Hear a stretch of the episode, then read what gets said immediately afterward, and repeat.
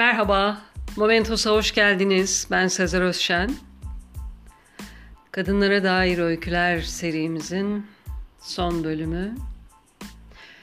Bu bölümde Aslı Erdoğan'ın yazdığı Sırp Lokantası ve Michel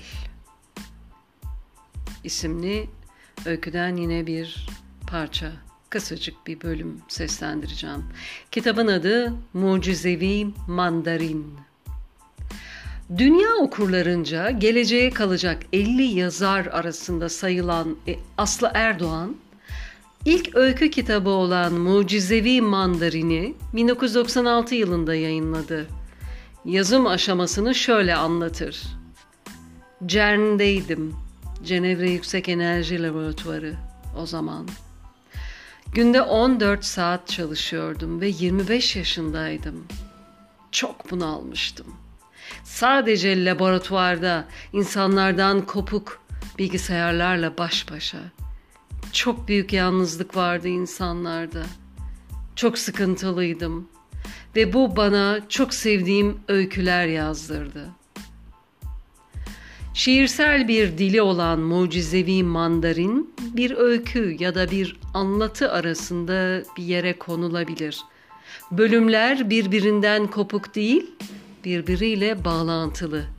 Kitaba isim olan mandarin eskiden Çin'de üst düzey memurlara verilen isimmiş. Kitap özgün diliyle yazarın kendisiyle samimi hesaplaşmasının yazılı metinleri gibi kısa bir bölüm seslendiriyorum. Yalnızlığımla biraz baş edebilmek için ölümün uzayan gölgesi altında yazıyorum. Belki de demokrasi savaşımında bir gözünü yitirmiş, üçüncü dünyalı bir kadın yazar olduğumu kurmuştur kafasında. Bense tam bir Türk kadını gibi davranır, gözlerimi kaçırır, somurtur ters ters bakardım adama. Ve elbette bütün bunları onu çekici bulduğum için yapardım. İlginç bir kitap olabilir.